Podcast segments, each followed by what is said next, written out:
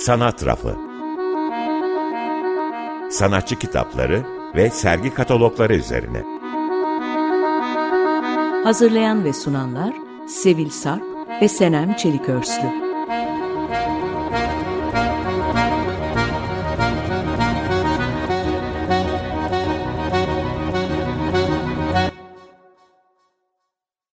İyi akşamlar ben Sevil. İyi akşamlar ben de Senem. 15 günde bir açık dergi kapsamında yer alan programımız Sanat Rafı'nda bu akşam Sarkis üzerine konuşacağız. Ee, elimizde bir kitapçık var. Nadir bir kitapçık bu. Plastik Sanatlar Derneği'nin Boys etkinliği nedeniyle yayınladığı bir kitabın eki. 1100 adet basılmış ve hepsine numara verilmiş. Bizim elimizde de 842 numaralı edisyonu bulunuyor. Ee, gerçekten nadir bir kitap. Bu kitabı kütüphanelerden okumak isteyenler SALT Araştırma ve Arter Kütüphanesi'nden erişebilirler. Ee, kitap Sarkis'in anlattıklarının daktilo edilmesiyle oluşan bir metin. Daha sonra bu oluşturulan metinin Sarkis'in üzerinde tasihleri var, düzeltileri var ve bu düzeltileri aynen görüyorsunuz. Bu beni çok bu benim hoşuma gitti. Benim de çok tasarımı, hoşuma gitti. Evet, tasarımı da Bülent Erkmen'e ait. Ee, kitap tabii ki bu metin ne zaman yazılmış? 91 yılında yazılmış Paris'te. Şunu söylemek isterim, e, hoşuma gitmesinin nedeni bir yandan da şu, e, internetsiz dönem, matbu gazetecilik döneminde tahsih servisi olurdu Senem. Orada Aa. tahsihçiler, evet gazetenin son okumalarını yaparlardı. Akşam önlerine çıktıları gelirdi. Hı hı. Oradan elleriyle böyle düzeltirlerdi ve biz bu işaretlerin eğitimini falan da almıştık işte. Araya aç ne demek, birleşik nasıl Burada yazılır. da var Ondan... zaten. Evet evet. Burada da var. O anlamda da bana böyle çok tarihi geldi.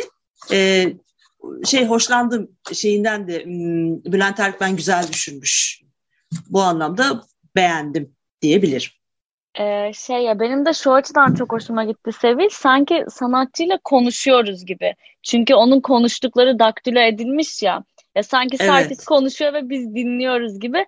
Bir de onun üzerine dediğin gibi tasdikler işaretli olduğu için ikinci bir okumasını da aslında ona da tanıklık etmiş oluyoruz. O açıdan çok Aa, güzeldi bence. Çok güzel. Çok güzel ee, dedin evet. E, en son bir sanatçının kaleme aldığı kitap konuştuğumuz Cevdet Ereğin'di sanıyorum. Evet. Ee, bu formatı bir tık daha farklı yapıyoruz diğer programlarımızda.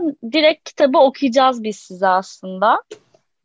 Ee, bu arada şöyle komik bir şey var. Paylaşmak istiyorum. Ee, Joseph Bo ben de geçen hafta Düsseldorf'taydım. Joseph Beuys'un yaşadığı e, ve okuduğu hatta kitapta da biraz sonra okuduğumuzda göreceğiniz e, şehirdeydim. Hatta Sarkis'in bahsettiği Kunsthalle Düsseldorf'u da ziyaret ettim. Çok komik bir denk geliş oldu. Paylaşmak istedim sizinle.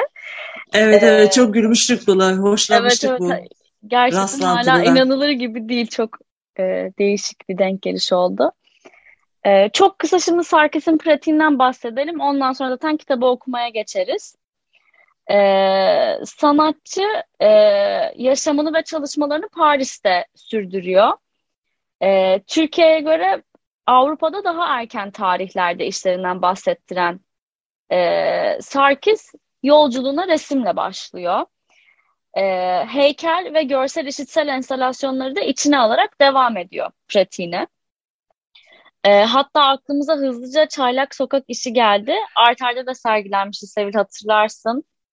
Evet. E, fotoğraftan, videodan, resim, heykel, vitray, neon ışıklar e, çok çeşitli malzemeler kullanıyor ve çok farklı teknikler kullanıyor.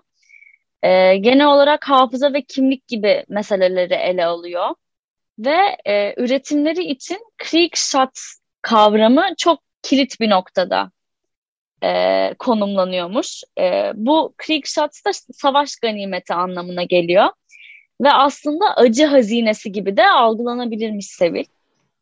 E, hmm bunun insan mülkiyeti haline geldiği noktalarda da e, Sarkis'in e, sanatı yeşeriyor diyebiliriz aslında. E, bu akşam biz şarkıya erken gireceğiz. ki akabinde kitabı okuyarak bitirmeyi planlıyoruz. E, Arto Tunç Boyacıyan'dan Gullo'yu dinliyoruz. Sanat rafı Sevil ve Senem'le devam ediyor. Ve şimdi biz bahsettiğimiz kitapçığı okumaya başlıyoruz. Bir gün. Kağıtların sesi de duyulsun lütfen. Evet. Davranışlar Şekil Olunca adlı serginin ikinci kısmını montajı için 1969 yılının Nisan ayı sonu veya Mayıs ayı başlarında Krafeld'de bulunuyordum. Orada Düsseldorf Güzel Sanatlar Akademisi'nin kapatıldığını, Boys ve talebelerin akademi önünde oturma grevi yaptıklarını duyduk. O arada Kunstel Düsseldorf'ta Boys'un kişisel sergisi de hala devam ediyordu. Tren atlayıp Düsseldorf'a gittim. İlk, ilk kez Boys'un sergisini gördüm. İlk indifalarım şunlar oldu. Sergi daha hazır değil. Yoksa açılış bu akşam, yarın veya öbür gün mü? Sonra serginin afişini gördüm. Sergi başlayalı iki hafta geçmiş. Neydi manzara? Vitrinler, vitrinlerin içinde ve dışında objeler, duvarda asılı desenler ve sulu boyalar, duvar dibinde bekleyen desenler ve sulu boyalar, bir sürü çuha yığını, üstleri kalın levhalarla örtülü. Bir duvarda koskoca bir çuha, yere kadar. Yere dokunan kısmı margarinle doldurulmuş. Yanında aynı boy, aynı biçimde, ayrı malzemeden, kauçuktan bir şey. Yere değen kısmı şişirilmiş. Şişirme aleti yanında duruyor. Önlerinde iki üç tane otomobil akümülatörü. Üstleri jelatinle örtülü. Yerde bir telefon, yanında bir toprak yığını, duvara dönük bir televizyon. Televizyon ekranı çuha kaplanmış. Duvarda o çuhanın aksi yine çuhadan televizyonun sesi duyuluyor. Çok uzaktan gelir gibi. Oyulmuş tahtalar. Büyük bir haçın parçaları gibi. Eski mi yeni mi belli değil. Bal mumundan şekiller, şişeler, kutular, paslı demirler, kağıt parçaları, yazılar, defterler. İnanılmaz bir sessizlik. Zaman durmuş gibi. Hani bir sabah uyanırsın, yüzünü yıkarsın, giyinirsin, kahveni pişirirsin. Radyonu veya televizyonunu açarsın. Tahta masana tereyağını, balını getirirsin. Tahta iskemleni çektiğinde ekmeğinin olmadığını fark edersin. Paltonu giyip ekmekçiye gidersin. Bir boşluk. O kişi geri dönmemiştir. Televizyon, radyo sesi açık kalmıştır. Kahve soğumuştur çoktan. Masanın üstü toz tutmuştur. Paltosunu aldığı dolabın kapısı açık kalmıştır. İçinde bir sürü şey. Hepsi bir beklemeye girmiştir. Bu bekleyiş bir bayram havasına sürüklemez kişiye. Acı vardır. Şiddetle geriye, savaşa acı anılara gider. Şiddetle bugüne gelir. Bugün dün gibi hastadır. Bugünü iyileştirmek lazımdır. Oradan ayrılmadan önce müzenin bekçisiyle konuştum. Galiba Filistinliydi. O anlattı bana. Her akşamüstü müze kapanmadan önce Boys'un sergisine geldiğini söyledi. Birlikte sergiyi arşınladıklarını, Boys'un her seferinde bir takım objelere dokandığını, kımıldattığını, bazılarını asıp bazılarını indirdiğini anlattı. Her gün. Fakat birkaç gündür gelmediğini söyledi. Vardı sebebi. Boyce'un evi de Düsseldorf'tadır. Akademisi üstelik müzeye yakındır. Bekçiye Boyce'un gelmemesinin akademideki olaylarla ilgili olabileceğini söyledim.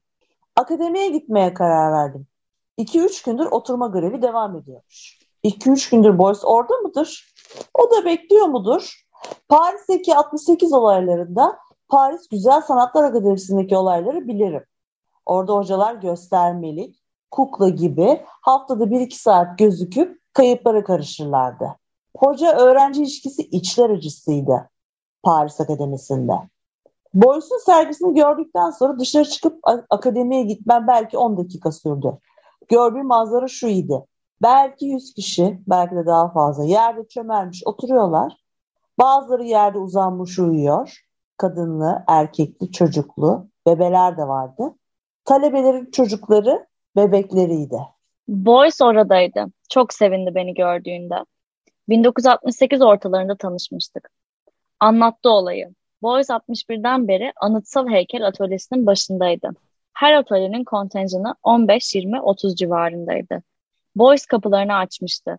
Kontenjan 100'de, 200'de, 300'de olabilirdi. Kim istiyorsa gelebilirdi. Hangi ülkeden olursa olsun, ihtiyaçları ne olursa olsun. Biliyordu ki bazı gençler Almanya'da oturma kartı alabilmek için atölyesine kayıt olmuşlardı. Bu her sanat düşüncesine, her davranışa açılma Boyce'un genişletilmiş heykel fikrine yakındır. Bu açılma atölyesinin ve dolayısıyla akademinin polisler tarafından kapatılmasına yol açtı. Bu olay mahkemeye intikal etmiş ve Boyce mahkemeyi kazanmıştır. Akademinin önündeki manzara neşeliydi. Çocuklar, bebekler gülüp bağırışıyordu. Kızlar, talebeler veya sevgilileri çok renkli giysiler giymişler gibi geldi.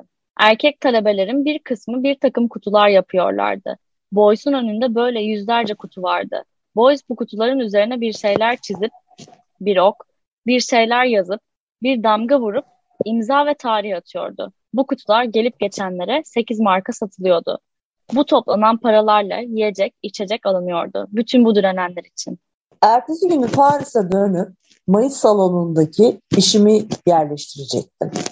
Bu birkaç saat içinde yaşadıklarım beni öylesine etkilemişti ki Paris'teki o sergiye koyacağım işimi çekip yerine 50-60 ebadında bir paket kağıdın üzerine şunu yazmak istedim. Joseph Beuys'u tanıyor musunuz? Ve nitekim de gece treniyle Düsseldorf'tan Paris'e döndüğümüz sabahı Mayıs salonu sergisine gidip bu yazıyı yazıp astım. Beuys'un Paris'e girmesi belki de böyle oldu. Bu bir gün Berlin'den hiçbir vakit silinmez. Bu bir günden sonra oldukça sık görüştük.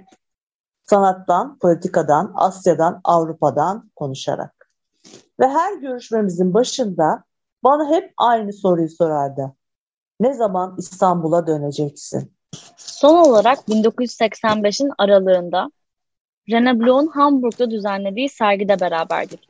Ama Boyce o sergide sesiyle katı o sergiye sesiyle katılmıştı. Hastaydı. Telefonla anlatmıştı işini Düsseldorf'tan. Sergi konser salonunda telefondaki sesi yükseltilerek duyurulmuştu. Yüzlerce kişi dinlemişti sesini. Aynı anda Henning Christiansen ve Namjoon Park piyano ile konserlerine, Fluxus konseri devam ediyorlardı. Bir gün sonra Boyce'un piyanosu geniş bir sergi salonuna getirildi. Piyanonun pedalı piyanonun üstüne kondu. Piyanonun altına büyük bir oksijen tüpü getirildi. Piyanonun arkasına yeşil bir tahta üzerinde Boyce'un telefonda söyledikleri yazılıydı. Bu sessiz sergi salonuna Rene Bloch, Boyce'a yakın birkaç sanatçının işini davet etmişti. Namjoon Paik'ın, Henning Christiansen'in, John Cage'in ve benim sessiz işlerimizi. Katıldığım en etkili karma sergi, en etkili karma sergi olarak o günde belleğimdedir. Ölümden öncenin ya da sonranın sessizliği gibi. Sarkis, 25 Kasım 1991 Paris. İyi akşamlar. İyi akşamlar.